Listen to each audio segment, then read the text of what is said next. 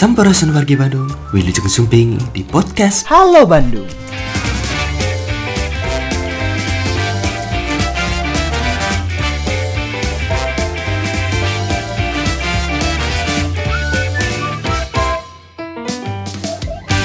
Bismillahirrahmanirrahim. Assalamualaikum warahmatullahi wabarakatuh. Perkenalkan nama saya Idris ke Kepala Bidang Penegakan Perhukum Daerah Satuan Polisi Pamung Praja Kota Bandung Yang pertama perlu kami sampaikan bahwa terkait penanganan COVID di Kota Bandung ya kami dari Satuan Polisi Pamung Praja selaku eh, sebagai Subit Panggakum eh, penegakan protokol kesehatan dalam masa pandemi COVID-19 ini.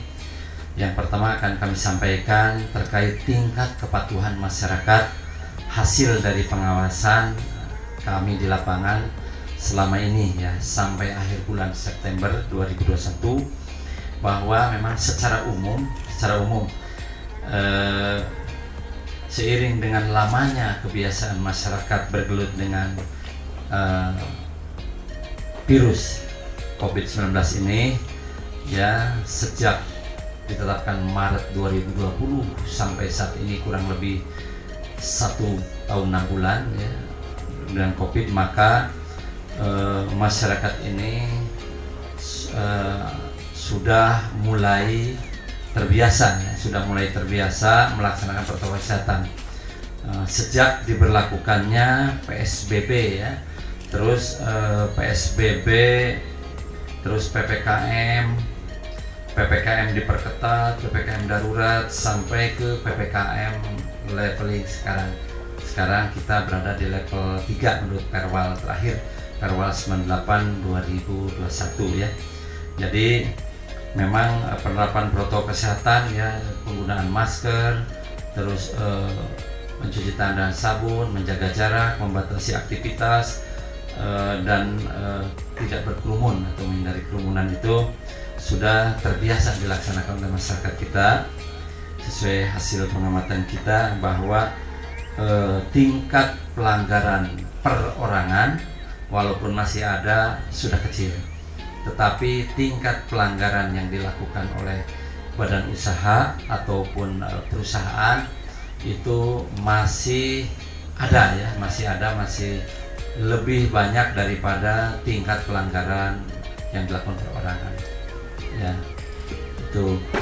Terus kedua sistem pengawasan dan implementasi perwal di masa covid 19 di kota Bandung ini ya dengan tetap melaksanakan pembagian tugas pembagian tugas melalui penjadwalan ya melalui penjadwalan. Ada PPKM siang, ada PPKM malam, ada woro-woro, ada tetap sosialisasi mendatangi tempat-tempat yang dipandang perlu ya eh, hadir di situ memberikan sosialisasi, pemahaman, penghimbauan dan lain-lain. Terus eh, melakukan pengamanan terhadap tempat-tempat tertentu ya. Kami melakukan pengamanan terhadap tempat-tempat tertentu eh, terutama hari-hari tertentu yaitu Sabtu dan Minggu ya karena di situ hari Sabtu dan Minggu ini ada pergerakan masyarakat yang beda dengan hari-hari biasa seperti di Dago, di Gasibu, di Saparua, di taman-taman ya. Itu itu hari Sabtu itu berbeda. Terlebih Dago ini belum diberlakukan uh, Car Free Day. Tetapi fakta di lapangan sudah banyak pejalan kaki pesepeda sehingga menarik uh, minat kepada para pedagang untuk mencoba-coba. Dan kami selalu uh, halangi dan kami selalu tertibkan.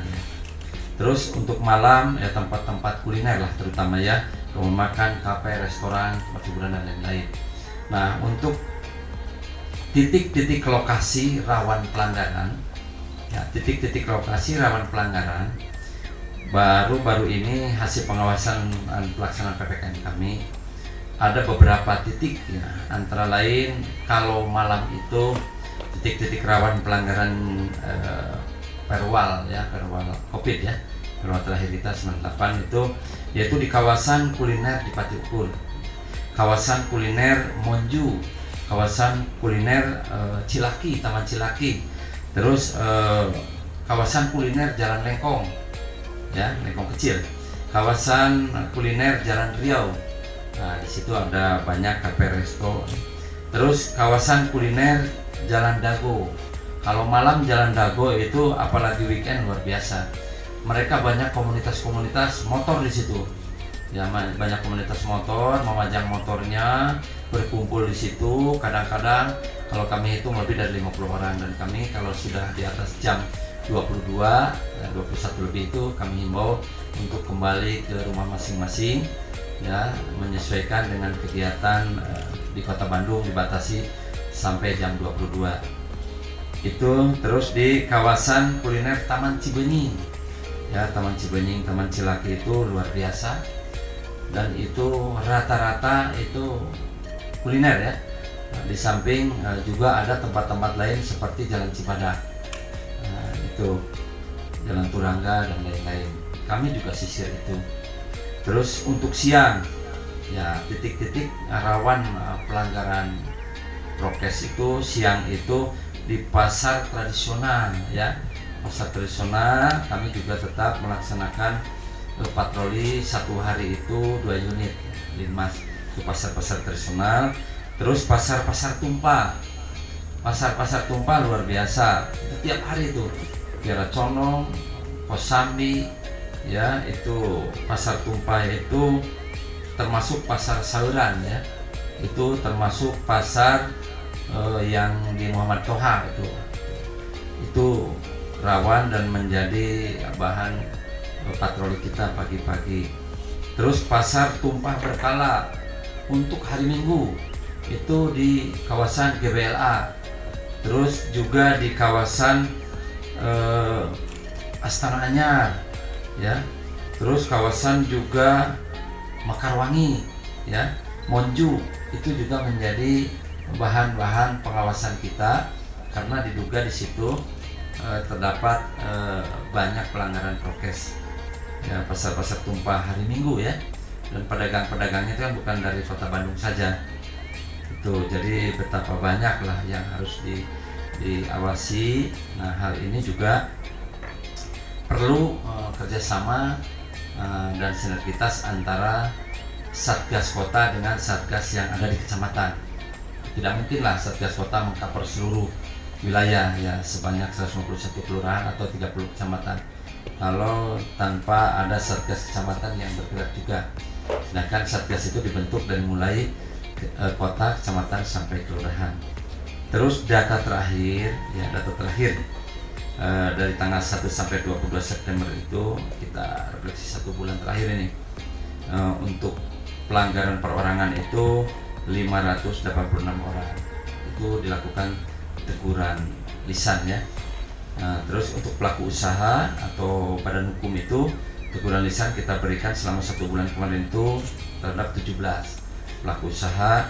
Terus penahanan KTP 44 terus denda administrasi sementara eh, sedang direkap tadi ya. Terus denda justisi 34 jadi eh, sebanyak 95 nah, jadi denda justisi ini yaitu kami bawa ke persidangan ya. Kami bawa persidangan di empat lokasi. Yang pertama MIM kedua Cihamplasu ketiga eh, depan Dukomsel Dago dan keempat di uh, depan hotel uh, ini apa El Capana ya, di dekat Pascal. Itu kita hadirkan sidang tipiring on the street, sidang tindak pidana ringan di lapangan dengan menghadirkan jaksa, korwas, uh, hakim, panitra, pengganti dan lain-lain. Nah, jadi kita hadirkan pelanggar di situ, nah, kita lakukan persidangan on the street. Ya selama bulan September ini ya terhadap pelanggar prokes ini kita kenakan oh bukan apa? Sampai ya. Sampai itu sampai bulan September ini kita juga untuk menindak prokes melalui denda administratif itu sudah sampai 130 juta 150 ribu. Sedangkan untuk non prokes 21 juta 650 ribu. Sehingga kita di kekas daerah itu 151 juta 800 ribu rupiah. Itu terhadap uh, hal yang telah kami lakukan ya uh, selaku sat, apa subit pamdakum di satgas covid ini uh, terhadap tindakan-tindakan tadi sudah dilakukan baik itu denda administratif sampai ke membawa ke persidangan ya tidak beda ringan. Nah harapan kami bahwa sekarang kan uh, posisi kita masih di level 3 masih ada pembatasan-pembatasan sehingga masyarakat dimohon kerjasamanya mempunyai etikat yang sama ya visi yang sama usaha yang sama untuk mempercepat selesainya penanganan COVID Kota Bandung ini. Seiring dengan sudah banyaknya divaksin ya masyarakat kita angka COVID pun mulai cenderung melandai. Tetapi masyarakat eh, jangan sampai mulai abai. Karena apa itu eh, kami selalu ya melakukan tugas dengan pembagian apa itu kelompok pembagian shift penjadwalan dan lain-lain bahkan melalui plotting itu tiada lain adalah dalam rangka mempercepat eh, penuntasan COVID di Kota Bandung. Nah, terus kedua kepada masyarakat pelaku usaha mohon untuk memiliki kesamaan e, persepsi dan kesamaan tindakan di lapangan. Kami sering dapati di situ pada saat kami melakukan e, teguran ataupun penindakan, masyarakat merasa bahwa dari pelaku usaha itu tidak pernah melakukan teguran katanya. Nah, kalau kami duduk satu meja ini enam orang, menurut bapak empat orang, kenapa disediakan kursinya enam? Nah gitu. Nah ini juga kami kadang-kadang kesulitan ya karena tidak mungkin kami mengawasi seluruh rumah makan kafe restoran e, seperti itu. Jadi kami selalu menghimbau bahkan kami berikan contoh bahwa di Perwal nih meja kecil ini hanya dua kursi gitu. Kami bantu itu e, membereskannya, menatanya dan lain-lain. Ini simpan di sini, tumpuk di pinggir dan lain-lain. Nah kesulitan kami sampai saat ini banyak pelaku usaha dengan apa itu dengan adanya keringanan ini dengan sudah banyaknya masyarakat yang sudah berani keluar eh, dengan masyarakat yang sudah mulai beraktivitas lebih leluasa eh, pelaku usaha pun tidak menyesuaikan dengan ketentuan. Jadi masih ada yang kesehatannya itu sayang pak katanya ini konsumen kita kapan lagi? Tapi ketentuan tetap ketentuan harus dilaksanakan dan kami tidak tidak putus-putus ya. Tidak bosan-bosan memberikan pemahaman kepada mereka bahwa belum bisa sesuaikan dengan ketentuan. Uh, rezeki mungkin datang tidak hari ini dan uh, mungkin besok lusa juga masih ada. Tetap kami tidak bosan-bosan lebih ke arah persuasif. Uh, lebih senang melakukan tindakan persuasif daripada tindakan represif. Jenis pelanggarannya pertama ya kelebihan jam operasional Restoran rumah makan kafe itu dibatasi di Perwa 98 ini sampai jam 22. Tetapi kadang jam 23 itu mereka uh, masih beres-beres. Masih beres-beres. Jadi pemahaman mereka itu uh, last ordernya itu di jam 22. Padahal pemahaman kami ketentuannya itu jam 22 itu clear area. Nah, ini yang sedikit uh, menjadi permasalahan di lapangan mereka jam 22 stop order. Tetapi sisa dari order yang jam 21.30 ini kan masih lewat dari jam 22 nah itu. Kalau kami pikir jam 22 itu clear area.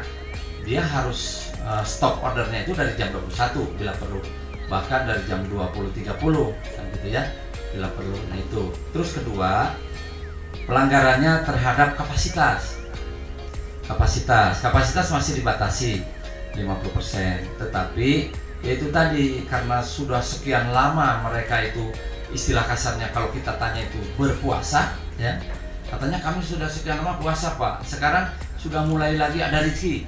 Nah jadi dia tidak tolak itu eh, pelanggan yang datang walaupun sudah memenuhi kapasitas 50 nah, dia mumpung nggak ada petugas terima aja kan gitu ya dengan uh, gambling lah. Kalau ada petugas dia kena kalau tidak aman. Nah itu.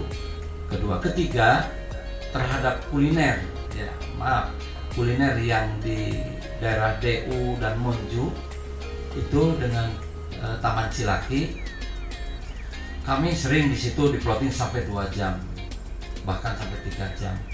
Tapi rasanya kalau saja eh, satgas kecamatan ini mulai kendor ini tidak mungkin kami bisa eh, hanya berkutat di satu lokasi saja. Ya karena kami kan banyak lokasi yang harus dikunjungi ya, dari mulai Cijera sampai Cibiru.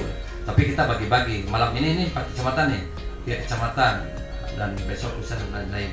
Jadi ini kelihatannya mohon izin uh, perlu sinergitas antara kita dengan satgas kecamatan. Dan kelihatannya sudah banyak yang sudah mulai agak kendor ini. Ya sudah mulai kendor dan kita koordinasi dan melalui kasih terantipnya di forum kasih terantip untuk mengingatkan kembali. Dan ayo bersama-sama.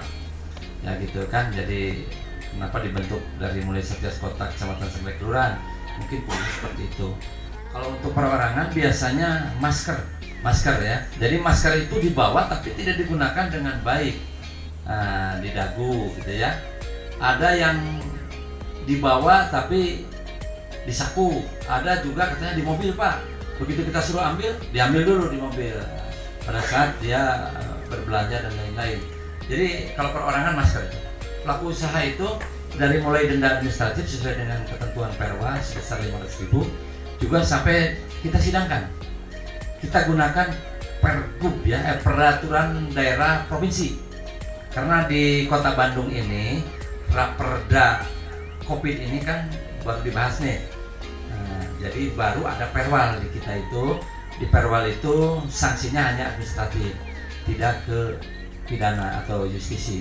Tetapi kalau di perda provinsi ada di situ pasal terkait tertib kebencanaan. Nah, jadi kita eh, gunakan Perda provinsi dengan ketentuan.